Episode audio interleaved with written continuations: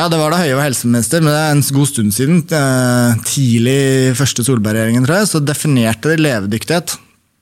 21 uker eller noe. Og levedyktighet er sånn, det står i loven. Og så skulle de forskriftsdefinere det. Det kan man ikke. Altså Et foster er enten levedyktig eller ikke. liksom.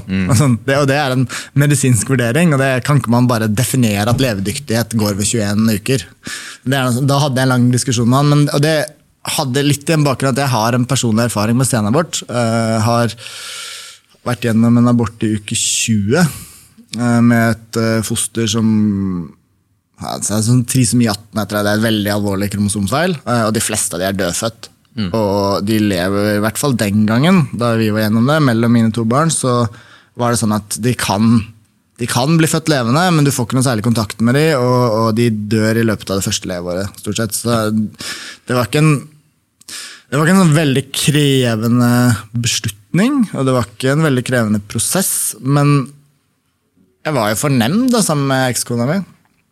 Og det var ikke noe hyggelig. altså, sånn, du følte deg sånn, litt sånn straffesakaktig. Liksom. Du må forklare deg dine valg, og de sitter der og ser alvorlig på deg. Det var en sånn ekstra belastning i den settingen. Men er, funger, hvordan fungerer den nemnda? Er det det som da på en sånn at du bare må eh, tenke deg om en ekstra gang og snakke med voksne mennesker, holdt på å si, eller er det, et, er det rett og slett et hinder?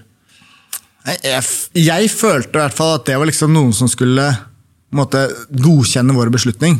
Som skulle overprøve og si at vi hadde liksom gode nok grunner til å få abort. Jeg, den gangen da var jeg jo bare just student. Ja. Så jeg føler liksom at der sitter det liksom tre mennesker. Det var jo liksom, egentlig sånn på et vanlig behandlingsrom på, på kvinneklinikken på Haukeland. Og de sitter der liksom og ser på deg litt sånn eh, Ja um, Sånn alvorlig. Vet dere hva dere gjør nå? Er dere liksom sånn Men Var de klar over kromosomfeilen og hele omstendighetene? Ja, det var de. Og likevel så var det liksom sånn alvorstynget samling. Så alle andre i helsevesenet i den sammenhengen var veldig støttende. Jeg hadde Altså, hun Vi hadde en Jeg tror hun var relativt fersk, hun jordmoren vi hadde. Eh, som hun hadde vært på ultralyd, fordi hun hadde på en måte begynt på ultralyd å se, og så måtte hun hente en kollega. og Hun sa liksom jeg er ganske fersk. Eh, Her er det en del ting jeg ikke helt liksom, greier å håndtere. Og så ballet det på seg. Så var det flere ganger på og så var det fostervannsprøve. Eh, og folk var utrolig liksom god, godt helsepersonell. Da. Altså, vi syntes dette var, det var tungt. Liksom. Det var et ønsket barn. Um, og alt helsepersonell var liksom så støttende og, og på og liksom eh, opptatt av hva vi trengte, opptatt av å ivareta oss, gi beskjeder. Uh, mens liksom den der nemnden var sånn autoritær figur, liksom. Som kom inn utenfra og liksom møttes og liksom litt sånn som du ser liksom dommer og jury i rettssaker og tusker litt seg imellom og ser litt på hverandre og liksom ser litt sånn strengt på det, det er nemnda. Den er, det, jeg vet ikke om det fungerer sånn i dag. Jeg vet ikke om Det fungerer sånn for alle. Det jeg vet sånn forskningsmessig, er at abortnemndene vurderer saker veldig ulikt. Det er ulik praksis fra sted til sted. Eh, Det er sikkert ulike personer med ulike holdninger. De er ikke jurister, og de skal avgjøre egentlig et juridisk spørsmål. Altså, det er, det, Men hva er det praktisk sagt, hva er det de gjør da? Altså, de, de stiller spørsmål, spør, men kan de da si sånn Du kvalifiserer ikke for abort. ja, det gjør de i 3 av sakene. Eh, Da setter de foten ned, og da, da, da, Ja. da kan de eh, overstyre din egen beslutning? ja, Kan de det? ja. Og, altså, fra uke 12 til uke 18 så er det 3 som får avslag. Og det gjetter jeg på er det vi kaller i forvaltningsretten urimelig, usaklig forskjellsbehandling. Jeg tror den egentlig så godt som alle får, med mindre du har uflaks og treffer på en eller annen kanskje religiøs eh, lege som syns du har litt for dårlig grunn. Altså, Du har egentlig ikke noen grunn, unntatt at dette ble oppdaga seint, og eh, det passer dårlig med livssituasjonen min, og så sier han bare nei, det holder ikke. sorry. Mens alle de andre stort sett sier greit, hvis du mener at det passer dårlig i din livssituasjon, så, så får du abort. Kan, kan, det, kan, vi, kan det være et forbehold der at, at disse, det er en ting som jeg syns virker problematisk, uten å ha satt meg inn i abortsaken i det hele tatt, men bare sånn fra, fra en podcasters idiots ståsted, eh, er disse her eh, Hvis du er tvillinger i tvillinger og aborterer da er det ikke, Heter det tvillingabort, eller hva det heter for noe? Sånn Fosterreduksjon, tror jeg de kaller det. Eller noe sånt. Det er, kan, kan det være at noen av de prosentene er nettopp det? Uh, for det er, så på en måte, det er noe jeg tenker sånn veldig problematisk, sånn type at man går inn og Ja, ja. Uh, red, altså på en måte eh, moralsk, etisk, altså hele pakka, liksom sånn type eh, det, det, er jo overhodet ikke binært, for abort er i mitt hode et binært spørsmål. Ha barn, ikke ha barn. Men sånn, nei, det passer ikke helt med tvillinger. Vi, vi, vi, Altså- så for oss igjen, vi. Jeg har en nær kollega, en god kompis, som har tvillinger. Det er ikke det samme som å få et barn. Altså. Så jeg tenker sånn, Det er jo tilbake igjen, liksom, hvis vi først det er, jeg, er sånn, jeg- Abort er alltid krevende. Jeg er jo, jeg liksom, sånn, ja, det er veldig veldig vanskelig å si når starter et liv. Eh, Jeg, mener, jeg tenker ofte at sånn, Hvis du virkelig skulle gå inn i det, liksom, hvor mye bevissthet og følelser og smerte og noen ting kan et sånt foster føle, eh, så tror jeg egentlig at man fort havner der at eh, abort kunne skje betydelig lenger enn det de fleste har satt satt som grense.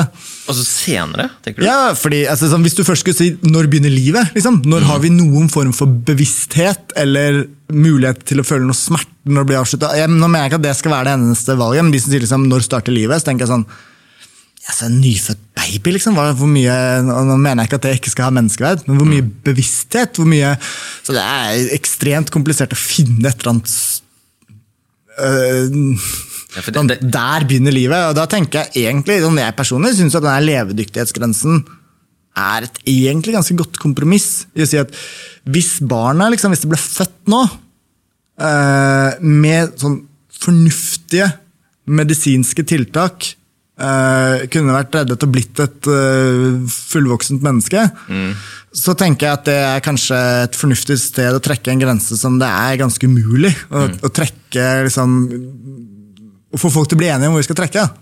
Men øhm, Men altså, det er igjen Du risikerer jo en dag at du kan putte et befruktet egg i en kunstig livmor. Og lage mennesker av det, og da er det kommet dere like langt. Sånn, ja, det er levedyktighet da, i det øyeblikket egget er befruktet, så det er spiraldrap. Altså, sånn. jeg, jeg synes det høres litt vagt ut, det med levedyktighet. eh, For det er liksom sånn eh, Litt sånn vitenskapelig diffust også, i og med at vi vet så fryktelig lite hva, hva fosteret driver med. der. Sånn, eh, så er det jo andre siden. Jeg kan se for meg at de som på en måte vil pushe abort så kort som mulig, på en måte som, som kortest mulig antall uker. Gjerne bruker kanskje det visuelle, på en måte at når det er et barn, eller når det ser ut som et barn, bruker mye av på en måte sånn eh, at her ser vi tydelig at det er et menneske. Nå er det liksom en, fra en klump til menneske at et eller annet sted der så er det liksom på en måte ja. så på en måte at samvittigheten kicker inn. Da, så er det, er det, det, det er vanskelig å overgå, men jeg syns man burde bare være sånn bare være sånn krystallklar. Ja, på en måte sånn at Uansett om man avslutter liksom i fjerde, åttende, 16. uke, så, så avslutter man et liv, tenker jeg. Jeg tenker at det er et liv inni det. Jeg pleier å si potensielt liv. Altså, sånn, da, kan du, da er jeg litt sånn tilbake. Jeg tenker at det er liv. jeg. Ja, eh, jeg er jo eh, relativt pragmatisk på akkurat det, men jeg pleier å si at Nei, Nelson sier at livet begynner liksom ved befruktet egg. Og da igjen, da er vi tilbake til jo, En av de diskusjonene jeg husker best uh, i den sammenhengen, er jo hun polske legen uh, i, på Husker ikke, Hun ble sagt opp som kommunelege, tror jeg, fordi hun nektet å sette inn spiral. Ja, ja. Og det er jo litt sånn Fordi, ja, fordi vanlig kobberspiral hindrer et befruktet egg i å feste seg i livmoren. Det mente hun. Da var livet allerede i gang. Ok. Og det tenker jeg sånn, ja, så det er egentlig et prinsipielt standpunkt. Kan ikke noen andre gjøre det? da? Så kan ikke bare få ha det standpunktet og Jo. reservere seg den uh... Men det var jo da et, altså da tenker jeg sånn, det var jo et problem for innbyggerne i kommunen. Dette var en eller annen liten kommune. og det var ikke mye, altså, sånn, men, ja, eller, men jeg tror kanskje at det er sånn, du får jo lov til å reservere deg mot å henvise til abort. Ok. Det, det kan du få reservere deg mot. Det var veldig mye eh, bråk. Det var en av de store sånn, støygreiene. Ja. Eller Jeg er litt usikker på om jeg har endret det, men du kan i hvert fall all mulig slags medvirkning til abort kan du, kan du reservere deg for. Men denne, denne legen da, fikk um, grei beskjed om at hun kunne ikke være liksom, ansatt i det offentlige som, som kommunelege hvis hun eh, ikke satte inn spiral. Hæ. Det, den, var, den saken var det ganske mye støy rundt. Jeg tror hun var langt oppe i rettssystemet. Jeg lurer på om hun tapte i Høyesterett eller noe. Såpass, ja. Så ja, ja, det var, det var en big deal. Så da, da må hun egentlig basically bare velge vil du være lege eller ikke, da? Ja, eller hun kan i hvert fall ikke være allmennlege, type vanlig fastlege i en kommune med dårlig tilbud, tror jeg. Altså, sånn, det, jeg tror det er. Jeg vil, jeg vil stort sett tenke at det går, men, eh, men eh, hun må da kanskje være i Oslo eller på et større legesenter, eh, hvor du typisk Jeg vet ikke, det er Min erfaring med å leve med kvinner er at det er stort sett gynekologer som tar seg av dette. Ja. Eh, I hvert fall i storbyen. Men, ja, jeg- nei, så, jeg, men jeg husker saken veldig godt, for jeg hadde til og med en litt kort debatt i Bergens Tidende med, en, eh, med en kollega om den. Eh, Jeg mente i utgangspunktet mener hun fortsatt at eh, den saken var riktig. sånn sett. Det var en del av arbeidsoppgavene hennes som hun ikke ville utføre av samvittighetsgrunner. og da er det litt sånn at eh, ja, da får du kanskje flytte på deg eller gjøre noe annet. Eller. Så det er noe med å ta en jobb hvor dette inngår i arbeidsbeskrivelsen din, og så si at jeg vil ikke utføre den av arbeidsoppgaven. Eh, så lenge det ikke innebærer måte, yrkesforbud. da. Ikke sant? Ja, ja, ja. Det gir mening. Nei, det som var, var eh, Men eh, hva syns du ser du sånn type tvilling-trilling-abort? For det, det er sånn de ukene kommer til, Jeg tipper det kommer til å være sånn som all politikk, at det pushes fram og tilbake etter hvert. på det, hvem som bestemmer oss og Men altså det her med Jeg syns det er ganske mye mer problematisk det der liksom med å redusere fosteret. Det vitner på en måte liksom om eh, et slags på en måte vitenskapelig luksusopsjon? Uh, eh, Jeg er jo litt der at uh, hvor, sånn, Hvis du sier at det er et liv, eller et potensielt liv eller et foster, eller liksom, hvordan er det ene verdt mer enn det andre? Uh, der er jeg jo kanskje litt mer sånn, ja, vanskelig å si at uh, det er verre å ha to aborter på rad enn å ta abort av det tvilling, altså begge tvillingene. Én abort verre enn abort, og så bære fram et barn veldig annerledes enn å ta vekk ett av to? altså sånn, det er, ja. Nei, jeg, jeg, jeg synes jo det, altså det er jo som som er enegg, og jeg vet ikke om det er på en måte om eh, foster eller tvillinger har, har sannsynligvis ikke noe rettighet på det, men sånn etisk sett, hvis du liksom selv setter deg sånn på å få vite en dag at du hadde en enegget eh, Ja. tvilling, eh, så vil du tenke sånn, det er jo det er jo sånn jeg vet ikke hvor vitenskapelig godt bevist det er, men at det er en connection på et eller annet nivå mellom tvillinger også, er jo sånn Ja. en greie at de er tettere enn søsken flest. liksom, og det, det er jo litt sånn der, Du frarøver jo også ditt eget barn på en måte en, en tvilling i livet deres når den dagen du er borte. Ja, ja. Nei, altså, men det kan du jo si om søsken òg. Altså, gradsforskjeller, kanskje. Ja.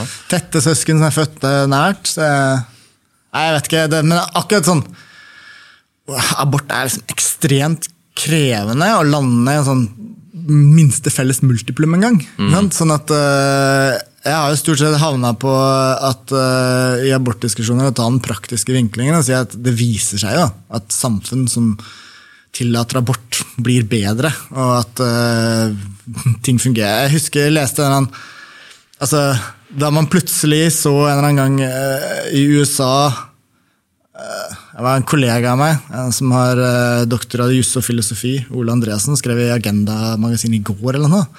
Eh, koblet eh, massiv nedgang i kriminalitet til alle disse uønskede barna som ikke lenger ble født. Altså, kan si, ja, hva betyr det egentlig? Liksom? Eh, at folk kan begrense hvor mange barn de får. Og det viser seg jo at stort sett alle liksom, moderne vestlige samfunn har de type rettighetene, og at hvis man ikke har de, så leder det stort sett til lidelse og død på et plan. Ja, så Med mindre man da er veldig religiøs da, tenker jeg, og mener liksom at det skjer noe hellig og, og krenkende og mot Guds vilje når man tar abort, så tenker jeg at uh, det pragmatiske vinklingen er at dette er noe som jeg tenker empirisk sett har gjort samfunnet vårt mye bedre. Som har gjort familier bedre rustet til å ta seg av de barna de tross alt får. Uh, få de på riktig tidspunkt, at de som vokser opp, blir sånn mer hele, ivaretatte mennesker. eh, og at det er et gode for samfunnet vårt da, totalt sett. Og hvis du da hvis du mener det, så tenker jeg da handler det litt om å finne et tidspunkt hvor du føler at abort ikke blir altfor sånn, um, krenkende eller problematisk opp mot at, sånn, et barn i uke 34, liksom, som hvis det hadde vært født så, altså Etter uke 34, så eh, går det jo altså Før uke 34 så er prematurne barn ofte altså, Da har de en masse plager, da. i hvert fall. De blir som regel, altså, blir født i uke 32, så, så, så er sjansen for å leve veldig stor. Men det er jo ofte veldig mange plager. da. Samlet, altså, 34 er liksom sånn Jeg har fått et barn i uke 37, min yngste. Det er, altså, har aldri vært forbundet med altså tre uker før tiden. Aldri vært En dag før tre uker. Han er teknisk sett prematur.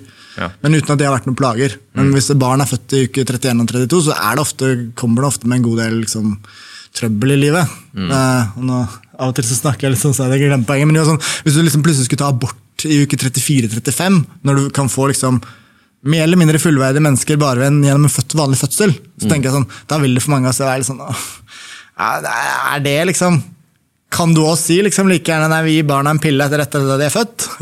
Hvorfor skal grensen da gå akkurat ved fødselen? Og så sier vi at jo, jo, for et sted må den gå.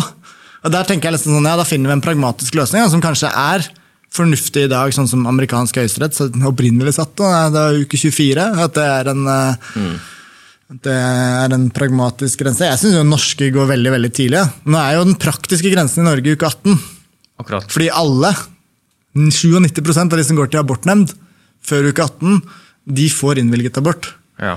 Uh, som betyr i, i praksis som jeg sier, at det er stort sett er avslagene sannsynligvis ugyldige og ulovlige. Men det er jo det som er problemet her. At folk tenker at etter uke 12 ja, så er toget gått. Eller de, de er redd for å få avslag i en abortnemnd, så det er de ressurssterke, eller de som har venner eller nettverk, som forteller dem at du kan gå til en nemnda, du kommer til å få det innvilget.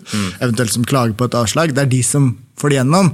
Mens de som har mindre kunnskap, og mindre ressurser, mindre nettverk rundt seg, gjerne er de som da ikke får den aborten de egentlig skulle ha. Det er jo en del av sånn, mine viktigste argumenter mot det systemet vi har i dag. Ja. Så jeg personlig mener at vi burde ha fjerne de nemndene, i hvert fall ha fri abort uke 18. Og det, det tror jeg faktisk ikke er så langt unna. Nei. Eh, fordi de må jo liksom slå seg selv i hodet liksom, i KrF, som, sta, som åpna en Pandoras eske. Liksom. Ja. Eh, Så eh, hvis jeg hadde vært eh, KrF-topp, eh, så hadde jeg jo Eller jobba i den norske kirke, for den saks skyld. Så hadde jeg tenkt sånn, ok, dette her er religion, og dette er verdisettet. Altså at, de prøver hele tiden å modernisere og balansere på liksom hva, hva som er sånn litt populistisk og litt sånn type er, og øh, konservative verdier. Og så blir det sånn utydelig grøt, og plutselig så er det en KrF som går den veien, KrF som går den veien, og så er en kirke og et parti i sin full spagat. Da. Så jeg bare sånn, tror, bare sånn de har vært tjent med å være veldig sånn eh, veldig stabile, konservative og på en måte ikke driver hele tiden og endrer seg etter samfunnet. At de er liksom en, eh, en, en, en tydelig, ensidig entitet. Da, tror jeg hadde vært liksom, de hadde liksom vunnet mye mer på. Litt sånn som du ser den ortodokse kirke. Ikke at jeg er sånn stor fan av det, men så ser de har en enorm tilslutning i store deler av verden. Og altså de mest voksne religionene, i og med at de er så utrolig konservative på innholdet sitt da, og verdiene. Jeg tror KrF drømmer tilbake til Bondevik 1, da KrF var et familieparti som vanlige folk kunne stemme på fordi de var opptatt av familie. liksom. Frihet, mm. kontantstøtten og andre ting. Ja, ja, ja, ja. Så jeg tenker sånn, De har alltid drømt om hvordan skal de komme utover det, liksom, det kristne grunnfjellet. og Istedenfor så har de tapt både liksom, folk flest og en del av det kristne grunnfjellet. Mm. Eh, For de står i en spagat. Så jeg vet ikke, jeg aner ikke hva som er bra for KrF. Jeg- De kunne nok aldri stemt på det uansett. Det er liksom for langt fra meg. Så, men, men den, der, den, den abortdebatten er utrolig dekkende, i den formen at KrF har jo inne disse grunnlovsforslagene hele tiden om at livet begynner ved unnfangelsen. Og så vil de ikke svare på om de mener at det er et abortforbud. For meg er det helt opplevd det de egentlig mener, er å ha et abortforbud. Og så har de liksom tenkt seg noen sånne unntak av typen liksom, incest, eh, voldtekt, fare for mors liv. Og bare, fordi de kommer ikke til å gå all, liksom, si, gamle Irland eller Alabama. Eh, men, men, og så vil de ikke si det engang. Og så tenker jeg så blir de stående der og se helt dumme ut. Altså, det, er sånn, det virker som et parti som ikke engang tør å mener jo en del av de mest kontroversielle spørsmålene, for de skjønner at de vil bli oppfattet som mørkemenn av liksom 90% av den norske befolkningen, kanskje 95